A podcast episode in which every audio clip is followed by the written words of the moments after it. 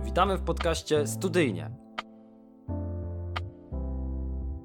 Witamy w Studyjnie. Naszą dzisiejszą gościnią jest Dorota Filipiuk, blogerka, youtuberka, podcasterka, szkoleniowiec i trener. Ułatwia ludziom życie, ucząc najlepszych narzędzi psychologii efektywności.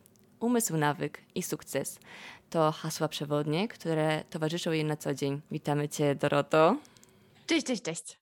Chciałabym zacząć od pytania, co studiowałaś. Wiem, że byłaś na Katolickim Uniwersytecie w Lublinie. Może chciałabyś nam powiedzieć, jak się tam dostałaś, dlaczego taki wybór kierunku i może skąd motywacja, żeby wybrać właśnie to? Dostałam się na psychologię, mimo że tam było bardzo, bardzo dużo chętnych. No i bardzo się z tego cieszyłam, z tego względu, że e, mając chyba 12 lat, zaczęłam prenumerować czasopismo Focus. E, kiedy zaczęłam sobie czytać właśnie ten dział psychologia, uznałam, że to jest po prostu najciekawsze i pewnie tak będą wyglądały całe studia. Oczywiście to tak nie wygląda. To nie jest tak, że my sobie czytamy takie popularno-naukowe rzeczy. Często są one bardzo, bardzo trudne, zdecydowanie bardziej zaawansowane. Natomiast rzeczywiście dotykają tego, co mnie bardzo bardzo mocno ciekawiło zawsze, e, czyli tego, w jaki sposób myśli człowiek, w jaki sposób on działa, jak wytłumaczyć jego zachowanie, jak na te zachowanie wpływać.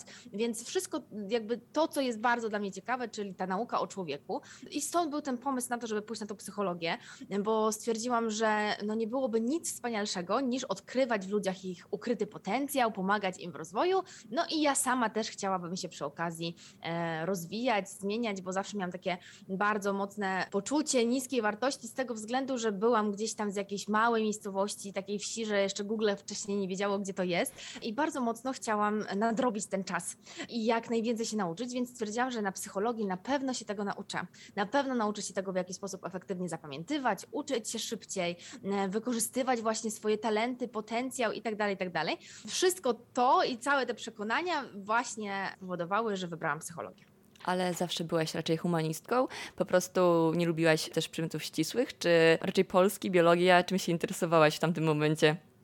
Psychologia absolutnie nie jest humanistyczna. Ona jest. Naprawdę? tak. Tam jest mnóstwo statystyki, to bardzo zaawansowanej, bardzo. E, tam jest mnóstwo biologii, psychologii poznawczej, tego w jaki sposób w ogóle sobie działamy, ale wcale się nie dziwię, że to poruszasz, bo bardzo dużo osób jest przekonana, że to jest humanistyczne. Ja bym powiedziała, że ja nie jestem humanistką w ogóle. Ja jestem typowo e, osobą, która bardzo lubi biologię, matematykę, e, taka, która właśnie. Ja zdawałam biologię, chemię, fizykę na maturze, więc więc ja zdecydowanie bardziej lubię te ścisłe rzeczy i tego jakby bardzo było też dużo na studiach, także to, to, to nie jest tak, że tutaj nie, nie mogą się w tym zaspokoić, bo było tego naprawdę bardzo dużo.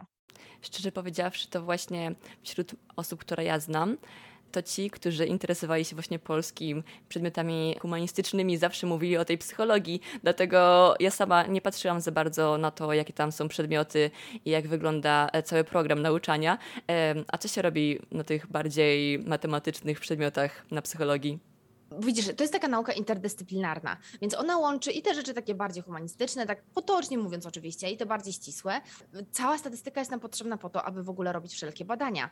Psychologowie to są takie osoby, które mają przede wszystkim nauczyć się badać, stawiać hipotezy, szukać powiązań, robić ogromne badania na często kilkuset, tysiącach e, osób, wyciągać z tego wnioski i to są wszystko modele statystyczne, które nam do, do tego służą. Tutaj musimy się bardzo dużo tego, z tym posiłkować. Tak samo jeśli chodzi na przykład o psychometrię, psychometrię, czyli sprawdzanie siły testów psychologicznych, e, to jak one działają, jaką mają rzetelność, jaką mają trafność, wyliczanie różnych rzeczy właśnie z tym związanych, więc e, tutaj jest nam to bardzo potrzebne do tego, żeby sobie ocenić, czy dany test e, rzeczywiście mierzy to, co mierzy, to, co ma mierzyć. Mm, my sobie często wyobrażamy, że taki test to jest coś trochę jak taka psychozabawa w jakiejś tam gazecie, a to kompletnie nie tak wygląda, żeby taki test został dopuszczony i rzeczywiście można było go używać. Jest to naprawdę bardzo dużo pracy, bardzo dużo. Czyli, żeby być psychologiem, trzeba także być człowiekiem wszechstronnym, tak? Interesować się wieloma tematami. Wiesz co, ja myślę, że, że większość ludzi taka jest. My sobie po prostu naklejamy takie wręcz naklejki czy, czy etykietki na, na siebie, że ja jestem taki, albo mam do tego predyspozycję, czy do czegoś innego. To nie jest prawda. Oczywiście mogę bardziej lubić biologię niż e, na przykład historię, ale nie oszukujmy się. Ogromny wpływ na to ma również to, jakiego mieliśmy nauczyciela. Ma wpływ to, czym interesowali się nasi rodzice, jakie książki czytaliśmy wcześniej, jakie filmy oglądaliśmy wcześniej wcześniej. E, Im więcej jakiegoś takiego podłoża jest związanego na przykład z tą biologią, i tak było właśnie u mnie, że ja nie wiem, wychowywałam się na wsi, to było cały czas bardzo mi bliskie i e, wiecznie czytam o tym książki, rodzice mi takie książki kupowali, e, sama po, jakieś, po takie sięgałam, to było mi dużo łatwiej uczyć się biologii niż na przykład historii, gdzie no niestety, ale trafiałam na często bardzo słabych nauczycieli, którzy kompletnie nie potrafili tego przekazać i dla mnie to był po prostu taki zbiór tylko jakichś dat, które kompletnie nie były powiązane ze sobą, więc to też ma ogromny wpływ. To, to nie jest tak, że mamy na przykład jakieś predyspozycje do językowe i wtedy ktoś po prostu bardzo łatwo się uczy języka, a ktoś inny ma z tym ogromny problem. E, myślę, że w takie wchodzenie w takie ramy i w ogóle etykietowanie się tak mocno bardziej nam utrudnia niż ułatwia życie. Ale wydaje mi się, że to jest dosyć częste. Często słyszę, że ja po prostu się na tym nie znam, albo nie mam doświadczenia, albo no właśnie tych predyspozycji i wrodzonych umiejętności. I wtedy ludzie nawet nie próbują cokolwiek z tym zrobić. Więc to jest niesamowite. Czyli uważasz, że predyspozycje raczej są do pokonania, tak? W sensie brak ich. Tak, bo właśnie to, co powiedziałaś, że część osób ma tak, że na przykład mówi, nie jestem techniczny albo techniczna. No dlaczego nie jesteś? No dlatego, że nigdy się tym więcej nie zajmowałeś. A przez to, że tak mówisz i przez to, że nadal nie próbujesz, jesteś jakby coraz bardziej w tyle, a nie coraz bardziej do przodu. E, I, i wtedy ten kontrast między osobami, które nadal coś robią, próbują i testują, jeszcze się zwiększa. No i wtedy no dziwne, że nie mamy takiego przeświadczenia, że rzeczywiście jestem dużo gorszy w czymś niż inne osoby. Co nie wcale nie znaczy, że my w mózgu musimy mieć jakiś specjalny neuron albo część neuronów odpowiedzialnych za to, żeby obsługiwać jakieś techniczne rzeczy. To nie jest prawda. Absolutnie tak nie jest. Kwestia jest tylko i wyłącznie obycia z pewnymi rzeczami i tyle. To jest wszystko. Wszystkiego absolutnie można się nauczyć. I jeśli chodzi o te predyspozycje, tak, uważam, że na początku oczywiście czasami jakieś tam minimalne predyspozycje możemy mieć. No ja na przykład jestem bardzo wysoka, więc rzeczywiście lepiej mi jest grać w siatkę czy w koszykówkę niż osoba, która jest pewnie dużo niższa. No ale nie oszukujmy się, jakby tutaj to nie jest najważniejsza rzecz i ja tak lubię podawać przykład nawet mojej córeczki. Myślę, że za parę lat każdy będzie uważał, że ona ma super predyspozycje językowe albo że bardzo łatwo się tych języków uczy, e, ale e, co to tak naprawdę na to wpływa? No nie to, że ona znowu urodziła się z jakimś innym mózgiem, ale to, że od kołyski uczy się dwóch języków. Więc dla niej na przykład teraz słuchanie wszystkiego po angielsku jest no, zupełnie zupełnie naturalne i, i normalne, mimo że ona ma dopiero 3 lata. E, I pewnie za, nie wiem, kolejne 3 będzie się uczyła kolejnego języka i będzie jej dużo łatwiej się w ogóle tego języka uczyć. My też wiemy, w jaki sposób ten, ten język wdrażać. No i ona powiedzmy, mając 15 lat, będzie sobie spokojnie mówiła w trzech językach i co? No i ktoś będzie sobie myślał, że ojejku, no super, tak, ona ma predyspozycję. No, no nie, no nie, ona po prostu każdego dnia e, słucha tego języka, dzień w dzień, non-stop, więc, więc jakby chciałabym na tym przykładzie pokazać, że tak jest z wieloma innymi rzeczami. Dokładnie tak samo, e, że my często e, nie zauważamy, że ktoś na przykład, będąc lepszym muzykiem niż na przykład my, miał rodziców, którzy non-stop grali, którzy rozmawiali o muzyce przy obiedzie. To były takie osoby, które słuchały muzyki na przykład e, i rozmawiały o tym, co słyszą. Ci rodzice mogli zwracać uwagę na pewne jakieś elementy, na których normalny człowiek w ogóle nawet nie jest świadomy, że takie coś istnieje.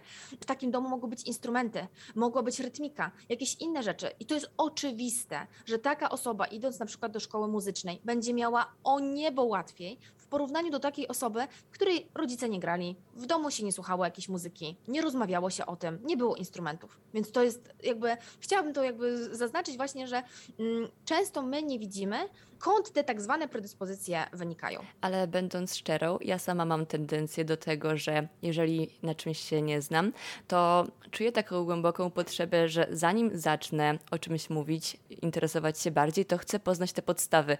A zanim zabiorę się do po poznawania tych podstaw, ja to odkładam na później, bo w mojej głowie rodzi się takie wielkie przedsięwzięcie, że ja muszę po prostu mieć tę bazę, żeby cokolwiek dalej zrobić, żeby iść gdzieś dalej. Nie wiem, czy inni także tak mają, ale no u mnie to też taka, taka kwestia tego odkładania na później niestety.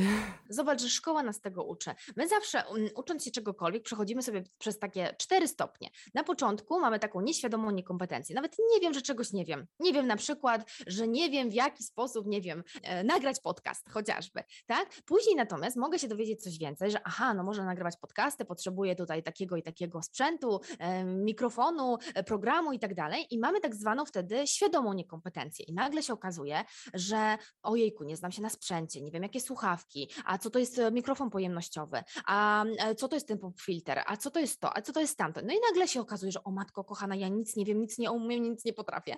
Następnie mogę sobie stwierdzić, że okej, okay, to tyle ludzi nagrywa podcasty, więc ja też się nauczę. No i nagle się okazuje, że zaczynam sobie ćwiczyć, sprawdzać, testować różne rzeczy, sprzęty i jestem na takim etapie świadomej kompetencji. Mniej więcej wiem co, jak, gdzie i, i dlaczego. E, natomiast później nabieram już takiej wprawy, takiej łatwości w obróbce na przykład muzyki, e, dźwięku, tego w jaki sposób rozmawiać, w jaki sposób wszystko łączyć i tak dalej, że mamy już taką wręcz nieświadomą kompetencję, że nawet jak ktoś by nam kiedyś powiedział, że ojejku, jak się nagrywa podcast, to no jejku, to jest proste, no to wiesz, no podłączasz i już, nie? Tak ciężko wręcz byłoby to czasami wyjaśnić. To jest trochę jak z jazdą na rowerze, no po, wytłumacz komuś, jak się jeździ na rowerze. No to jest takie, no jedziesz i już. Więc e, tak jest z wieloma rzeczami. I teraz zobacz, że w szkole z takiego poziomu nieświadomej niekompetencji, że my nawet nie wiemy o tym, że cokolwiek istnieje, szkoła chce nas od razu przenieść do etapu przynajmniej świadomej kompetencji, tego, aby już było wszystko perfekcyjnie i idealnie.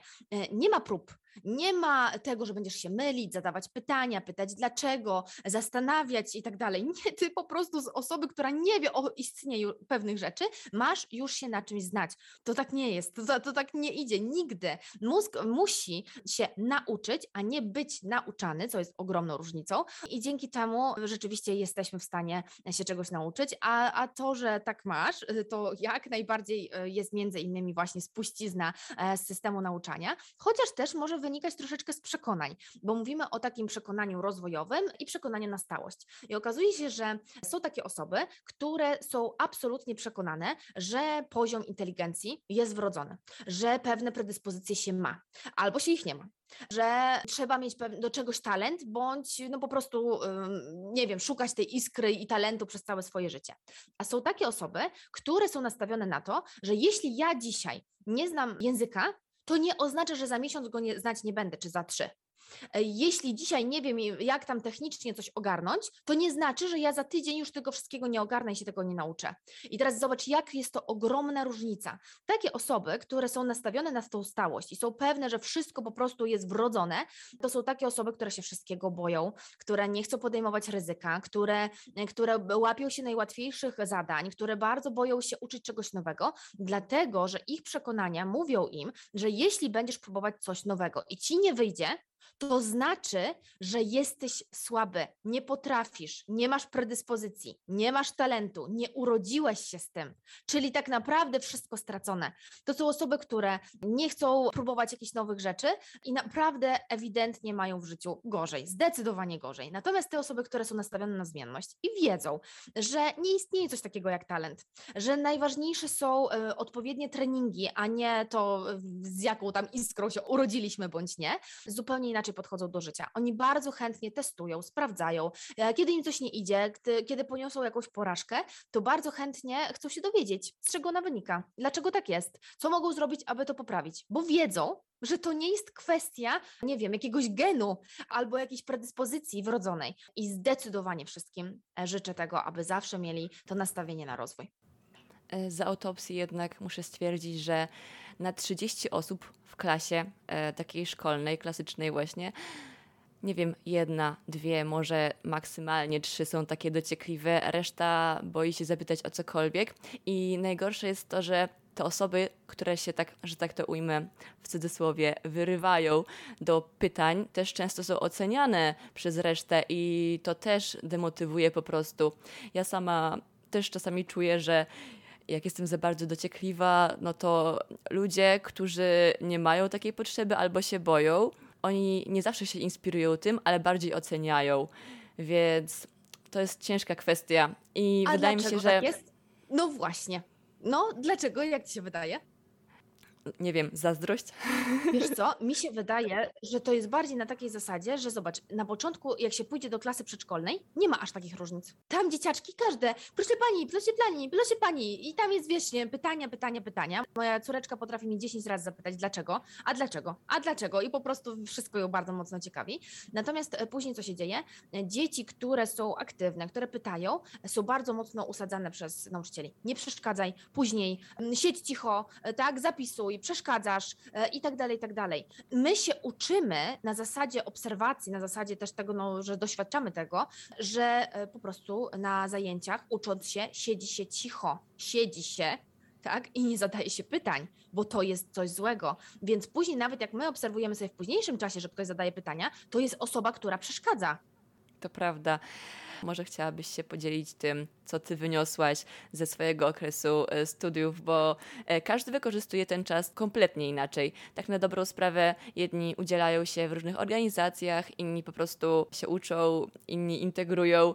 Różnie to wygląda, e, więc którym typem studenta ty byłaś? Ja zaraz powiem, jakim typem byłam i jakim typem uważam, że każdy powinien być. Naprawdę. Ogólnie na samym wstępie e, ja, trener technik nauki i w ogóle efektywnej nauki, mówię, że studia nie są do tego, aby studiować. Nie są do tego, aby się uczyć. To nie jest czas na to, żeby zdawać egzaminy i zajmować się tylko tym.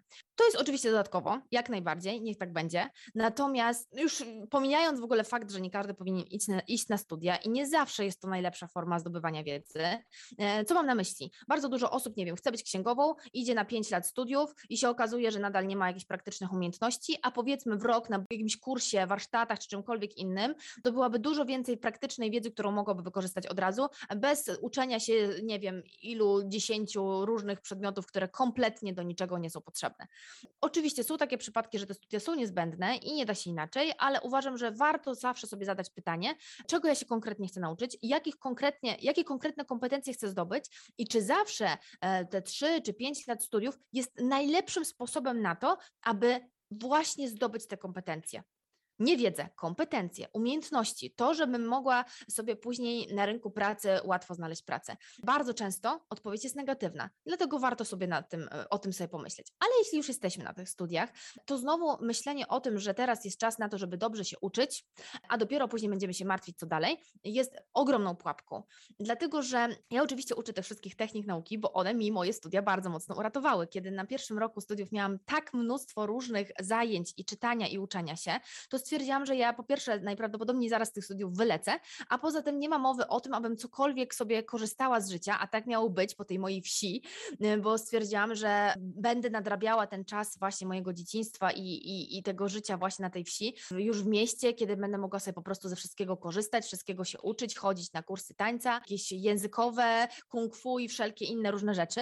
No i się okazało, że kompletnie nie mam czasu na naukę, a co to mówić o tym, żebym jeszcze miała się, nie wiem, integrować, jeździć na jakieś wyjazdy i chodzić na imprezy.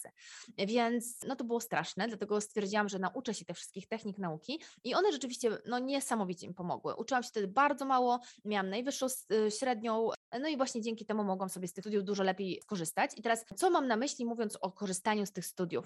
Bardzo ważne jest to, aby już sobie zacząć testować przeróżne rzeczy, czyli sprawdzić się w różnych sytuacjach, w różnych zawodach, w różnych, wiem, na przykład organizacjach studenckich i nie po to, żeby się zapisać do organizacji i wpisać ją później do CV, że byłem tam zapisanym członkiem na jakiejś liście, która leży w, nie wiem, gdzieś tam w szufladzie, tylko żeby rzeczywiście mm, konkretnie nauczyć się czegoś. Na przykład, jak zrobić jakiś projekt. E, jak e, o tym, że ja kocham e, prowadzić szkolenia, dowiedziałam się na studiach, bo po prostu zostałam o to poproszona, żebym takie szkolenie poprowadziła. Po poprowadzeniu kilku takich szkoleń, jak zobaczyłam, jakie to jest fantastyczne, jak cudownie się w tym czuję i jak sprawia mi to radość, stwierdziłam, że to jest po prostu coś, co ja chcę robić w życiu.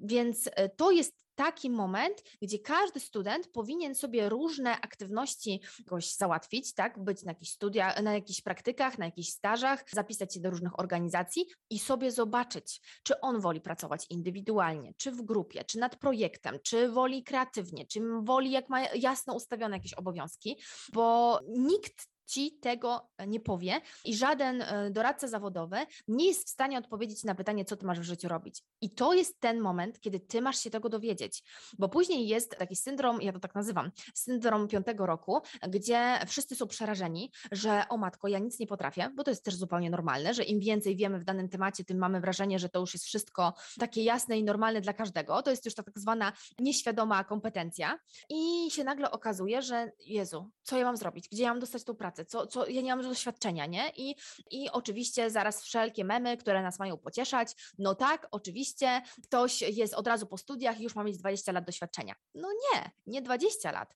ale jeśli na przykład jesteś osobą, która jest zaangażowana w jakiś projekt nawet przez dwa lata i na przykład, nie wiem, w takim ISEC-u y, jesteś osobą, która, y, nie wiem, koordynuje pracę jakiegoś zespołu albo robi cokolwiek tam innego, to nagle okazuje się, że ty masz doświadczenie. Nagle się okazuje, że wszelkie praktyki, staże, czy właśnie rzeczy, które gdzieś tam się robiło, to jest twoje doświadczenie. Kiedy ja się dowiedziałam, że trzeba mieć bardzo du duże doświadczenie w prowadzeniu szkoleń, żeby dostawać te szkolenia, żeby mieć dobrą stawkę, to słuchajcie, ja nie było praktycznie tygodnia, żebym gdzieś nie prowadziła szkolenia. To było tak, że ja starałam się inicjować mm, te spotkania, czyli to było na takiej zasadzie, że nie wiem, szłam do jakiejś organizacji mówiłam, że słuchajcie, ja się znam na tym i na tym, czy mam wam zrobić szkolenie na ten temat? Bezpłatnie kiedy jeździłam sobie na przykład po takich najlepszych liceach w Lublinie i chodziłam do dyrekcji i pytałam się, czy nie przeprowadzić szkoleń dla, na przykład dla maturzystów dotyczących tego, w jaki sposób przygotować się do matury. I kiedy ja byłam po zajęciach, jechałam i prowadziłam te, te zajęcia, żeby wyrabiać sobie jak największą ilość tych godzin. To był ten moment. I ja już na piątym roku e, dostałam pracę jako trener, gdzie zarabiałam nawet 2,5 tysiąca złotych dziennie, co było naprawdę e, tak super kasą i nie miałam jeszcze magistra. I mówię Wam to po to, żeby jakby patrzeć na studia zupełnie inaczej niż my sobie patrzymy tak standardowo, czyli no będę mieć piątkę na dyplomie. No i co to daje Twojemu pracodawcy? Pomyśl sobie Ty, że Ty dzisiaj masz firmę, która się zajmuje tam czymś. I teraz kogo Ty szukasz? Czy Ty szuka, szukasz osoby, która miała piątkę na dyplomie, która miała, nie wiem, z podstaw filozofii e, przyrody ożywionej piątkę, czy interesuje Cię, że ta osoba, e, nie wiem, potrafi nawiązywać kontakty z innymi ludźmi, potrafi zorganizować sobie swój czas pracy, potrafi wszystko zaplanować, zrobić sumiennie na czas, potrafi działać pod presją czasu, potrafi gdzieś zadzwonić, coś ogarnąć, coś zrobić. Jestem absolutnie pewna, że wolałbyś, wolałabyś e, przyjąć do pracy taką osobę, która robiła jakieś szkolenia, warsztaty, angażowała się w wielu różnych rzeczach, pokazywała, że zrobiła już jakieś jakiś projekt, czegoś kogoś nauczyła i taka osoba, która jest taka bardzo mocno do przodu, niż taka osoba, która po prostu siedziała i się uczyła. Nie wspominając już o tym, że kiedy mamy ten networking, chodzimy nawet na te imprezy, spotykamy się, uczymy się na różnych warsztatach, kursach i tak dalej, to jest to nasza baza, do której my później możemy się odnieść. Możemy później kogoś zapytać: Ej, słuchaj, szukam teraz pracy, może coś słyszałeś, może coś wiedziałeś. Zwykle ludzie szukają pracy odwrotnie, proporcjonalnie do pracodawców. Pracodawcy szukają przez polecenia, bo ja chcę mieć jak najszybciej proces rekrutacji za sobą i nie chcę popełniać błędów. Więc dużo łatwiej jest zapytać się znajomego, słuchaj, szukam takiej i takiej dziewczyny, czy takiego i takiego chłopaka, asystenta czy asystentki i musiałaby ta osoba potrafić to i to i to, czy ty kogoś takiego znasz? I teraz jest to dużo łatwiejsze i dużo szybsze i dużo tańsze niż poszukiwanie osoby na przykład przez jakieś portale, gdzie nagle w ciągu czasami godziny dostaje się kilkaset zgłoszeń. I to jest praktycznie niemożliwe, żeby odsiać. Nie? Dokładnie. Moim zdaniem też wiedza jest po prostu bazą pewności siebie, nie oceny, nie, nie to, co nam wystawił jako ocenę. No po prostu chodzi mi o to, że jeżeli my mamy wiedzę teoretyczną, nie potrafimy jej wykorzystać w praktyce, to nie jesteśmy na tyle właśnie pewni siebie, żeby iść, zapytać, poprosić o coś, pokazać się powiedzieć po prostu, że ja się do tego nadaję. Więc to też jest przykre, że no to jest taki też syndrom oszusta. po prostu ludzie nie są też często pewni, czy ich kompetencje są wystarczające, tak, bo się nie sprawdzili, bo nie przetestowali, bo nie poszli gdzieś i, i, nie zobaczyli tego, jak to wygląda w praktyce. Dlatego naprawdę bardzo chciałabym, żeby, żeby każdy student nie czuł się taki oszukany później, że jejku, dlaczego nikt mi o tym wcześniej nie powiedział? Dlaczego nikt mi nie powiedział, że papierek ze studiów to nie jest żadna przepustka? Naprawdę w dzisiejszych czasach kompletnie nie. Ani razu osoby, które zatrudniałam u siebie, nie pytałam, co w ogóle studiują, albo co studiowały. Kompletnie nie interesowało mnie to. To było w ogóle, nigdy nie chciałam CV. To mi jest w ogóle do niczego niepotrzebne. Potrzebowałam sprawdzenia, czy ktoś ma konkretne kompetencje, których poszukiwałam. Nic więcej nie było dla mnie ważne. I oczywiście to nie jest tak, że to jest standard, bo to nie jest standard. Y, działy HR wcale nie są też tak uczone, że mamy tylko patrzeć na kompetencje. Często właśnie zwraca się uwagę na to, że no dobra, jeśli jest po, po socjologii, to pewnie to ogarnie i, i, i jakoś tam się to zrobi, nie? Ale, ale czy wy chcecie mieć taką po prostu pracę, czy chcecie mieć taką pracę, która jest naprawdę fajnie płatna, satysfakcjonująca, od która otwiera Wam kolejne drzwi? No domyślam się, że raczej jeśli słuchacie podcastów, to jesteście tą drugą grupą, bo to też już jest takie, że, że jednak nie każdy słucha podcastów i raczej, raczej ci bardziej ambitni właśnie sięgają po, po tą formę e, doskonalenia, więc e, naprawdę warto sobie testować lepiej mieć gorsze oceny na tym dyplomie i, i sobie właśnie angażować się w inne rzeczy, niż być taką osobą, która ma e, od góry do dołu piątki i, i niestety, no właśnie, gdzieś zabrakło sprawdzenia siebie. Oczywiście, wszelkie techniki nauki bardzo mocno polecam. One rzeczywiście bardzo mocno odmieniły moje życie. Dzięki temu, e, że zainwestowałam w to kiedyś, to one, zwróciło mi się to o matko, nie wiem ile dziesiąt razy, jak nie set. Chociażby z tego względu, że jedna inwestycja po prostu powodowała, że, że później później zgarniałam te stypendia naukowe. Natomiast nawet jeśli nie chcecie z tego korzystać, to pomyślcie sobie o tym, co jest na przykład dużo mniej ważnego, co wystarczy mieć nawet na to trzy, a jak lepiej można byłoby wykorzystać ten czas. Mm, z tego miejsca są właśnie dwa pytania. To znaczy, jedno to jest moje doświadczenie, bo ja sama nigdy wcześniej e, nie nagrywałam podcastów i właśnie na studiach się zaangażowałam. Też jestem w parlamencie studenckim, kołach naukowych. Poza tym przez całe moje życie, nawet w liceum, w gimnazjum, ja działałam społecznie, organizowałam jakieś tam zajęcia dla dzieci. No, niekoniecznie szkolenia, bo jeszcze nie miałam kompetencji, no nie studiowałam wtedy. Też sądzę, że trzeba wykorzystywać ten czas na różne rzeczy. A i poza tym zapisałam się na judo na samym początku roku, jak się tylko dowiedziałam, że jest darmowe. Ale chciałam też zapytać właśnie o te techniki e, efektywnej nauki, bo nagrywamy to w momencie, kiedy przychodzi sesja akurat na e, naszej uczelni, więc czy masz może jakieś rady, jak przy takim mm, zmniejszonym zakresie godzin przyswoić większej ilości materiału? No, tych technik jest całe mnóstwo, naprawdę. Ja zdaję sobie z tego sprawę, że większość ludzi kompletnie nie ma pojęcia, jak funkcjonuje ich mózg, więc e, większość, jak pytam, co wiesz o efektywnej nauce, to mówię, że no tak, no ja jestem wzrokowcem, nie? Więc to już jest pierwszy mit, który warto byłoby sobie wyrzucić, zanim przejdę do wskazówek, że jakby znowu etykietowanie się w taki sposób, że jestem wzrokowcem, słuchowcem, kinestetykiem, jest bardzo negatywne, z tego względu, że jeśli widzimy, to większość bodźców, które przychodzą do nas, jest e, za pomocą wzroku. Jest to taki taki jakby mm, bardzo mocny zmysł, który odpowiada za to, że my w ogóle funkcjonujemy bardzo, bardzo dobrze w takim świecie wizualnym. A gdybym miała tutaj mówić, który zmysł jest ogólnie taki najlepszy i ma najlepszą pamięć, to byłby to węch. Mimo wszystko, że nie jesteśmy tak idealni jak na przykład, nie wiem, psy, to jednak e, ten zmysł jest tutaj bardzo istotny.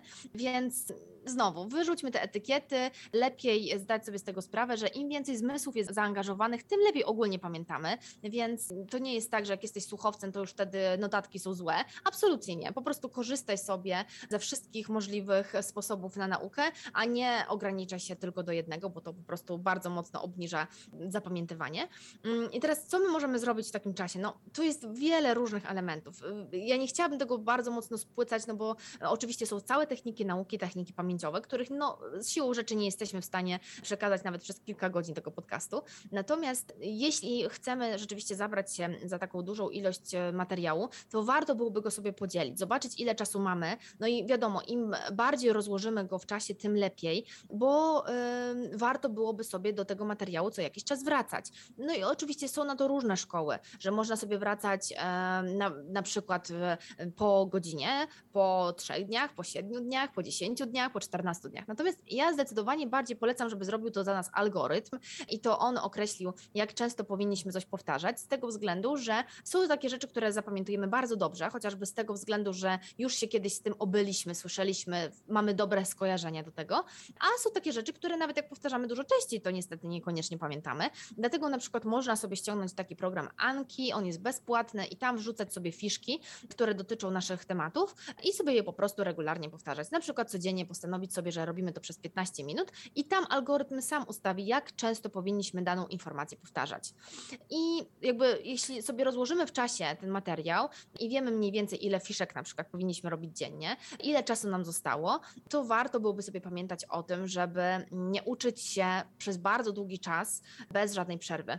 Czyli dużo lepiej jest, jeśli na przykład co 45 minut, co godzinę, czy maksymalnie półtorej godziny robimy sobie 15 minut przerwy, niż jeśli siedzimy 3 godziny a później przez już mamy tak dosyć, że godzinę odpoczywamy. Dużo lepiej jest robić częstsze przerwy i w tych przerwach robić coś zupełnie innego niż to, co robiliśmy w trakcie nauki. To ma być takie odświeżenie, więc nie wiem, uczysz się, idź sobie później w przerwie, weź prysznic. Znowu się uczysz, idź na spacer w, najlepiej w jakiejś zieleni albo w ogóle na zewnątrz. Znowu wracasz do nauki, uczysz się, następnie idziesz, nie wiem, zmywasz, sprzątasz, robisz cokolwiek innego. Oczywiście nie zamiatamy pustyni, tylko robimy to przez jakieś 15 minut i, i wracamy z powrotem. Maksymalnie uczymy się 3-4 godziny w ciągu dnia, z tego względu, że y, nie jesteśmy w stanie zapamiętywać nie wiem jak dużo informacji i pracować w pełnym skupieniu. Mówi się o tym, że około 4 godziny dziennie jesteśmy w stanie przy pewnym treningu wypracować sobie tak zwaną pracę głęboką, czy, czy takie głębokie skupienie się. I tylko o takim skupieniu możemy tutaj mówić. Jeśli chcesz się efektywnie uczyć, zapomnij o tym, że włączony Facebook, rozmawianie z koleżanką o tematy niezwiązane z, tą, z tym, czego się uczysz, nie wiem, jakieś radio, y, telewizor czy cokolwiek innego w tle, jest czymś, co nie wpływa na Twój proces nauki. Wpływa i to bardzo. Musimy robić wszystko, co się tylko da i co jest w naszej mocy, aby maksymalnie się skoncentrować. Dopiero wtedy jesteśmy w stanie coś zrozumieć i tylko dopiero, kiedy coś zrozumiemy, jesteśmy w stanie to zapamiętać. Więc to jest bardzo ważne, żeby bardzo mocno dbać o tą koncentrację każdy ma jakiś tam swój inny poziom. Są takie osoby, które będą mogły uczyć się w kawiarni, ale oczywiście tylko wówczas, kiedy nic ich tam za mocno nie wytrąci, bo jeśli ktoś nagle się przewróci, wyleje na siebie jakiś trunek, no to się okaże, że, że wtedy nasza koncentracja nawet w tej kawiarni jest słaba. Więc e, mówię tak o tym, że część osób uważa, że mm, no właśnie, mi na przykład ten Spotify to kompletnie nie przeszkadza. Ja w ogóle świetnie się uczę, kiedy, kiedy coś się dzieje dookoła. Może być, że biały szum wokół nas nam nie przeszkadza i wręcz działa dobrze, bo jest taki odcinający wręcz od, od różnych innych bodźców dookoła, ale tu musi być biały szum. To jest coś takiego, że coś się dzieje, e, ale my konkretnie nie jesteśmy w stanie usłyszeć żadnych, nie wiem, żadnej mowy tego, o czym ktoś rozmawia albo co konkretnie się dzieje, tylko po prostu jest głośno i nie wiadomo dlaczego.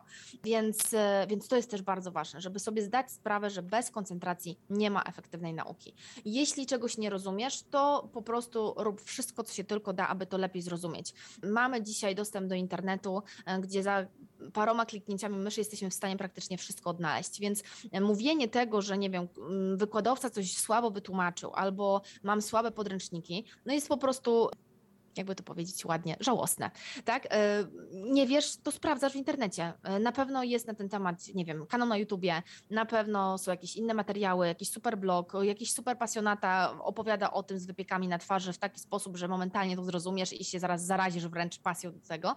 Więc robimy wszystko, aby maksymalnie coś zrozumieć, żeby można było sobie to narysować. Nie przepisujemy podręczników. To kompletnie nie ma sensu. To jest ogromna strata czasu. Jeśli już mamy coś notować, za, bardzo mocno polecam robienie map myśli albo chociażby wrzucanie tego wszystkiego w te anki. Jejku, no mogłabym tak gadać i gadać. Powiedziałaś i o robieniu notatek, i o koncentracji, o tym, żeby robić sobie przerwy. No, moim zdaniem te przerwy są naprawdę istotne. Nawet samo, nie wiem, wstanie, porozciąganie się chwilę, przejście z pokoju do pokoju, bo wiem, że po prostu dużo osób jako przerwę traktuje po prostu wzięcie telefonu do ręki i ja, kiedy się uczę, ja po prostu znikam. Poza tym jestem raczej jednozadaniowa i mnie wiele rzeczy dekoncentruje. Wszyscy są. Tak, ja potrzebuję idealnej ciszy i często właśnie dziwię się, jak y, widzę osoby obok mnie, które jednym uchem, że tak to ujmę, słuchają, przy okazji odpisują komuś po prostu na telefonie. No ja tak nie potrafię, dlatego jeżeli chodzi właśnie o te przerwy, to też staram się raz no, nie używać telefonu, poza tym często też go wyłączam, ale to już na tyle może o mnie. Chciałam też zapytać o te sposoby na skoncentrowanie się, kiedy ta uwaga już nam uleci, jakoś odleci i po prostu ją stracimy. Wiesz co, tak, tak wchodziłam ci trochę w słowo, że każdy, każdy jest jednozadaniowy. To jest ogromny mit, którym my się karmimy, że możemy być wielozadaniowi i, i to jest w ogóle, mm, mamy podzielną uwagę. Jeśli już to mamy przerzutną i jeśli już nawet mamy tą przerzutną, to za każdym razem, kiedy przerzucamy uwagę, niestety bardzo mocno ją tracimy. Więc jest to niesamowicie nieoptymalny sposób na to, żeby cokolwiek robić. Idealnie to jest znaleźć sobie takie miejsce, gdzie nawet nie widzimy w obszarze naszego wzroku telefonu, bo okazuje się, że już samo to, że go widzimy, już wpływa na naszą silną wolę, czyli ją obniża i już wpływa na naszą koncentrację, czyli znowu wpływa na nią bardzo negatywnie. Dlatego nawet jeśli nie widzimy żadnej diody, na, nawet nie słyszymy powiadomień, to nawet same jakby leżenie tego telefonu gdzieś blisko już ma na nas negatywny wpływ.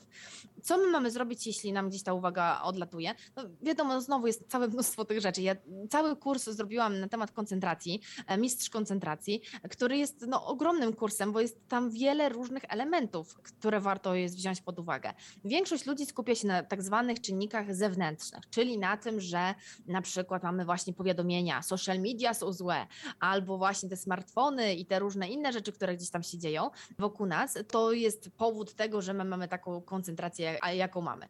Natomiast no, ja się z tym kompletnie nie zgadzam, bo, bo też jest tak, że gdybyśmy nawet nie wzięli sobie tych social mediów i wyrzucili nasze telefony i nawet siedzieli sobie w białym pomieszczeniu e, z białą kartką i e, długopisem, to okazuje się, że wcale wtedy nie musielibyśmy super efektywnie w koncentracji pracować. Dlatego, że na tą koncentrację wpływają też czynniki wewnętrzne. Nasze życie emocjonalne, nasze nawyki tego, w jaki sposób sobie funkcjonujemy, czy właśnie jesteśmy taką osobą, która e, tutaj sobie nad czymś pracuje, tu zaraz obgryza paznokcie, tu zaraz sobie nad czymś pracuje, tutaj patrzy, czy ma rozdwojone końcówki włosów, tutaj coś tam robi i wiesz, to są też takie pewne nawyki, jak, jak my funkcjonujemy. Nie coś, co my po prostu się urodziliśmy, bo po prostu sobie wyrobiliśmy. Kolejna sprawa to jest to, w jaki sposób my panujemy nad swoimi myślami. Czy mamy tak zwane ruminacje, czy mamy uciekanie i tak myślenie o tak zwanych niebieskich migdałach, czy jesteśmy osobami takimi rozkojarzonymi. No, wiele różnych elementów na to wpływa, więc tutaj mamy całe bogate życie wewnętrzne, które wpływa na naszą koncentrację uwagi warto byłoby sobie, widząc, że cały czas odlatujemy, przede wszystkim zadać pytanie, z czego te odlatywanie e, od głównego wątku wynika. Czy z pewnej nudy, czy z tego, że coś bardzo mocno nami poruszyło i o tym myślimy, bo na przykład, nie wiem, zakochaliśmy się albo się rozstaliśmy, albo, albo nie wiem, mamy konflikt z jakąś osobą i wiecznie o tym sobie myślimy. Czy to jest może kwestia tego, że nie wiemy w jaki sposób ruszyć, nie wiem, nie wiem w jaki sposób się zacząć czegoś uczyć, siedzę sobie nad tymi notatkami, nie wiem, nie rozumiem, nie wiem, nudzi mnie to i dlatego po prostu mózg szuka sobie zamiennika i czegoś ciekawego, więc ciężko byłoby odpowiedzieć jednoznacznie na to pytanie. Przede wszystkim warto byłoby sobie sprawdzić, z czego wynika ten brak koncentracji, dlaczego ja tak bardzo mocno uciekam? I co później z tą przyczyną mogę zrobić, e, bo zupełnie inaczej będę sobie pracować nad, e, nad tym, że na przykład uciekam sobie i mam te niebieskie migdały, tak myślę sobie o tych niebieskich migdałach, a zupełnie inaczej będę pracować sobie, jeśli na przykład, no nie wiem, mam na przykład teraz, układam sobie puzzle i wiem, że mi zostało już bardzo mało do ułożenia obrazka i e, muszę pracować, ale cały czas myślę o tym, co mnie tam czeka i jakie zagadki później z tych puzli będę mogła sobie wyciągnąć. Akurat takie, takie puzzle teraz układam i to jest naprawdę mój przykład, że, że sobie siedzę i myślę, jejku, jakie to będą zagadki, bo to właśnie takie puzzle z tym połączone, a ja tu muszę się skupić na pracy. Więc zobacz, to jest kompletnie co innego. To jest zupełnie inna praca i zupełnie inne sposoby. A jeżeli chodzi o taki środek doraźny, kiedy siedzimy na wykładzie i po prostu chwilowo mamy jakiś bodziec zewnętrzny, który nas rozproszy, to jest jakiś sposób, żeby tak po prostu znowu wrócić i słuchać? Wiesz co, oczywiście podzielać sobie to na kilka elementów, tak? Mówienie, że nie chcę e, o tym myśleć, bo na przykład, nie wiem, ktoś się, nie wiem, przewrócił, coś się wydarzyło za oknem, coś tam się dzieje i mówienie nie możesz, nie możesz, rzeczywiście bardzo mocno nie działa. To jest trochę jak nie myśl o niebieskim niedźwiedziu i wtedy jakoś tak się najlepiej o nim wtedy myśli, więc na pewno warto jest zdawać sobie z tego sprawę, że takie myśli przychodzą. I, i to, że e, nas coś rozproszyło, jest zupełnie normalne. To jest fantaz- to znaczy, że nasz mózg i, i nasze systemy bezpieczeństwa dobrze działają. Natomiast mogę sobie po prostu jakby trochę e, też być na takiej fali, czyli zastanowić się nad tym, co mnie w tym tak ciekawi, co mnie w tym tak zastanowiło, dlaczego ja tak mocno sobie w to uciekam i po prostu jakby dać się trochę tak ponieść chwilę, żeby przyjrzeć się temu, co się dzieje z moim ciałem, co się dzieje z moimi emocjami, co się dzieje z moimi myślami. Trochę tak jakbyśmy byli takim obserwatorem i się okazuje, że wtedy dużo dużo łatwiej nam się wyciszyć i wrócić do tego trybu, co się działo wcześniej. Oczywiście ogromne znaczenie ma, w jaki sposób mówi nasz wykładowca. Czy on potrafi utrzymywać uwagę, czy potrafi w taki sposób mm, omawiać wątki, podawać przykłady i tworzyć jakby tą przestrzeń, żeby, żeby nam się łatwo zapamiętywało i super, super podążało za jego myślami. No niestety, jak pewnie wiemy, mm, nie wszyscy mają takie umiejętności. Natomiast my możemy bardzo mocno temu wykładowcy pomóc w taki sposób, że nawet jeśli on mówi mm, tak mało ciekawie, to ty cały czas zastanawiasz się nad tym, co będzie później. A dlaczego ty się z tym nie zgadzasz? A co w tym jest ciekawego? A jak można byłoby to wykorzystać w praktyce? I warto, kiedy sobie po prostu notujemy, takie na przykład notowanie za pomocą map myśli, no dla mnie zawsze było takim fantastycznym sposobem na to, jak wytrzymać na nudnym wykładzie. Bo było tak, że ja się czułam taką jakby kreatorką tego, co się będzie działo, łączyłam pewne wątki, zastanawiałam się, z czym mi się to kojarzy, co mogę sobie z tym zrobić, w taki sposób, żeby jak najlepiej móc się kupić no jeśli oczywiście musimy być na takim wykładzie, bo jeśli te wykłady później są dostępne online, możemy je sobie przesłuchiwać dwa razy szybciej, albo nauczyć się z notatek dobrej osoby, która to zrobi ok, a ten, ten wykład naprawdę nie zmieni nic w naszym życiu i nie jest kompletnie potrzebny do tego, żebyśmy mieli jakąś super ekspertyzę, po prostu jest kolejnym zapychaczem na studiach, to naprawdę pomyślmy sobie, co możemy innego w tym czasie zrobić. Może lepiej byłoby się uczyć języka, e, a może lepiej byłoby wtedy mieć jakieś praktyki, albo jakiś staż, albo cokolwiek innego. Wiecie, ja prostu nie chcę buntować przed tym, żeby nie chodzić na zajęcia, ale też nie chcę jakby gloryfikować chodzenia na wszystkie wykłady. To nie jest tak, że taka osoba, która chodzi na wszystkie wykłady, to jest cudowny student. No nie. To jest często osoba, która no nie ma innych pomysłów na to, co można byłoby w tym czasie robić. Więc naprawdę mm, jestem za tym, żeby zawsze sobie zadawać pytanie, czy jest warto, a jeśli, a jeśli naprawdę musimy na takim wykładzie być, to robić wszystko, aby to dla naszego mózgu było ciekawe, czyli właśnie chociażby zadawać pytania. Dokładnie. Ponownie poruszyłaś tyle wątków, że nie wiem, Przepraszam. o co, o co nie to jest e, wspaniałe, o co zapytać. Także słyszałam o tym, że angażowanie emocji właśnie jest bardzo ważne, bo wtedy to nie, nie są suche fakty dla e, naszego mózgu, tylko jednak go angażujemy. Ale um, chciałam się jeszcze odnieść do tego, co powiedziałaś na samym początku odnośnie mówienia sobie, że nie chcę myśleć o tym bodźcu, który mnie rozproszył i że potem zamiast sobie po prostu wypierać, że coś nas rozproszyło, to żeby to zaakceptować. Skojarzyło mi się to trochę z medytacją, bo właśnie niektóre takie techniki medytacyjne są podobne, że mm, jeżeli przychodzi ci jakaś myśl, to nie, nie odkładaj jej, nie staraj się wmówić, że ona nie istnieje, tylko po prostu pozwól jej przeminąć ona była i, i się skończyła, tak? Medytacja jest absolutnie cudownym sposobem na to, aby się koncentrować. To jest rewelacyjny trening dla mózgu, aby uczył się tego, że my siłą woli jesteśmy w stanie utrzymać te myśli w ryzach i to my decydujemy trochę o tym, co się w tej głowie naszej dzieje, więc jest to absolutnie genialny sposób na koncentrację wydaje mi się, że też nie jest zbyt łatwa, bo dużo osób ma właśnie problemy z tym, żeby po prostu odpuścić i o niczym, o niczym nie myśleć albo dać przeminąć tym myślom, bo czasami mamy taki natłok po prostu w głowie i też mówiłaś o tych ruminacjach myślowych. One też zdarzają się chyba często przed snem, bo sama się tak kiedyś interesowałam i często mamy tak, że po prostu te myśli się zapętlają. Nie, to, to po prostu nie ma sensu. Nie dojdziemy donikąd, ale jednak one cały czas są. A jak właśnie z takimi ruminacjami walczyć? Ruminacji, czyli w ogóle takie negatywne myśli, to, że my wracamy do takich właśnie negatywnych rzeczy, no to jakby jest to czymś normalnym dla naszego umysłu i w ogóle to, że medytacja jest sama trudna, też jest zupełnie czymś normalnym, bo okazuje się, że my mamy tak jakby taki podstawowy mode w naszym mózgu, że cały czas myślimy o czymś. I najczęściej to dotyczy naszych kontaktów z innymi ludźmi, naszych wspomnień, bądź właśnie przywoływania często negatywnych rzeczy, co ma pewne znaczenie ewolucyjne z tego względu, że no, powinniśmy się na tych błędach uczyć, no ale jak wiemy, dużo osób po prostu się w tym mocno zapętla.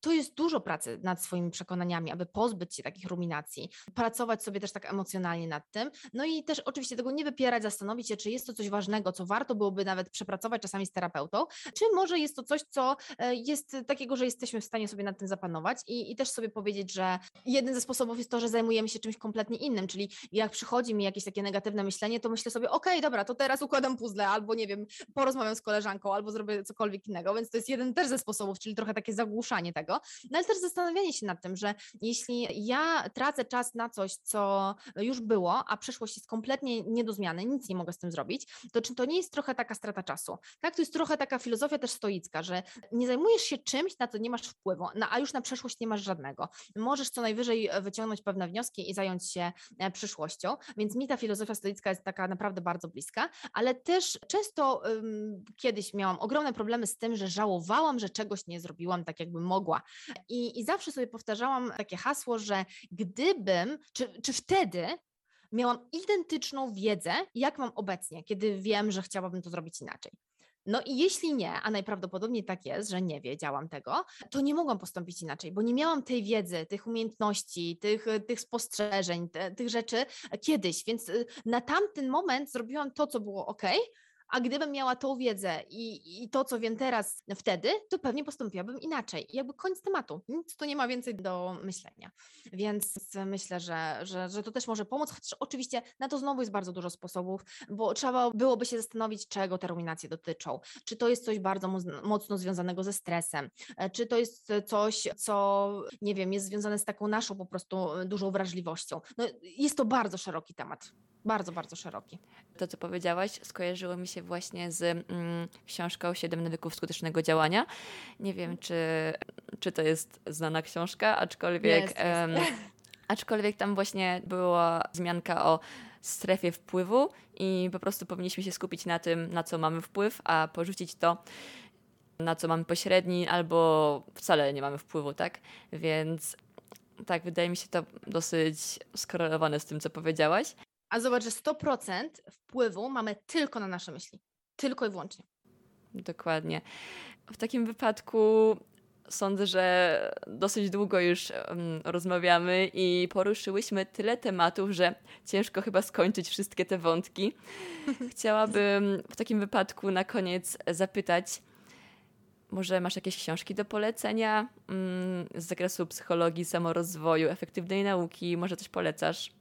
Tych książek jest całe mnóstwo, dlatego też na moim fanpage'u Dorota Filipiuk jest co piątek taki cykl e, postów, który nazywa się Czytajnia i tam znajdziecie, no nie wiem, kilkadziesiąt różnych książek, które polecam. Możecie sobie w ogóle wejść na mojego fanpage'a i tam sobie zobaczyć tą czytajnię nawet tak w zdjęciach. Jest cały folder, który ma tam właśnie kilkadziesiąt różnych poleceń i jeśli chcecie, to znajdziecie na pewno coś dla siebie.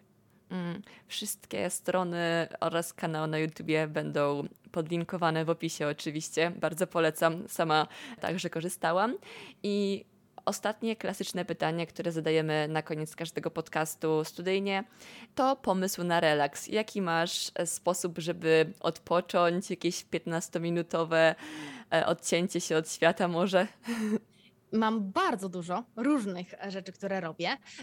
Bardzo lubię sobie odpoczywać, nie wiem, w saunie czy w jacuzzi i tak sobie po prostu medytować, odpocząć i później morsować, jak jest taka pogoda jak teraz. Natomiast jeśli na przykład jestem sobie coś robię w domu, fantastycznie lubię spędzać czas grając w planszówki, układając puzzle, robiąc na szydełku, malując, wylewając obrazy, na przykład takiej żywicy epoksydowej. Więc e, przyznam szczerze, że te wszystkie różne takie rzeczy artystyczne niesamowicie mnie odprężają i bardzo bardzo pomagają w tym, żeby się zrelaksować.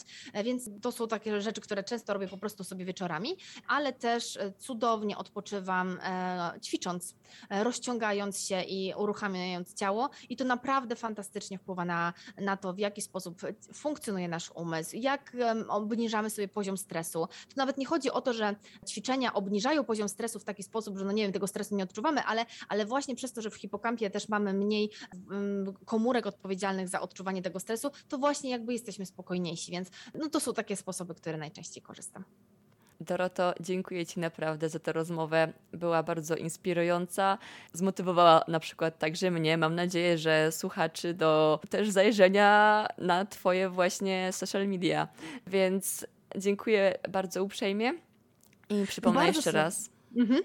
E, tak, bardzo serdecznie zapraszam. Bardzo, bardzo zapraszam. Tym bardziej, że teraz wracam znowu do regularnego nagrywania filmów e, na YouTubie. Będzie teraz o śnie i o nim nie powiedziałyśmy sobie dzisiaj, a znowu student, który ma sesję, to jest student, który powinien bardzo dużo spać, więc koniecznie musicie zobaczyć ten odcinek. tak, wtedy najlepiej zapisują się informacje. Dobrze, w takim wypadku jeszcze raz Ci dziękuję. Przypomnę, naszym dzisiejszym gościem była Dorota Filipiuk. Dziękujemy. Dziękuję bardzo.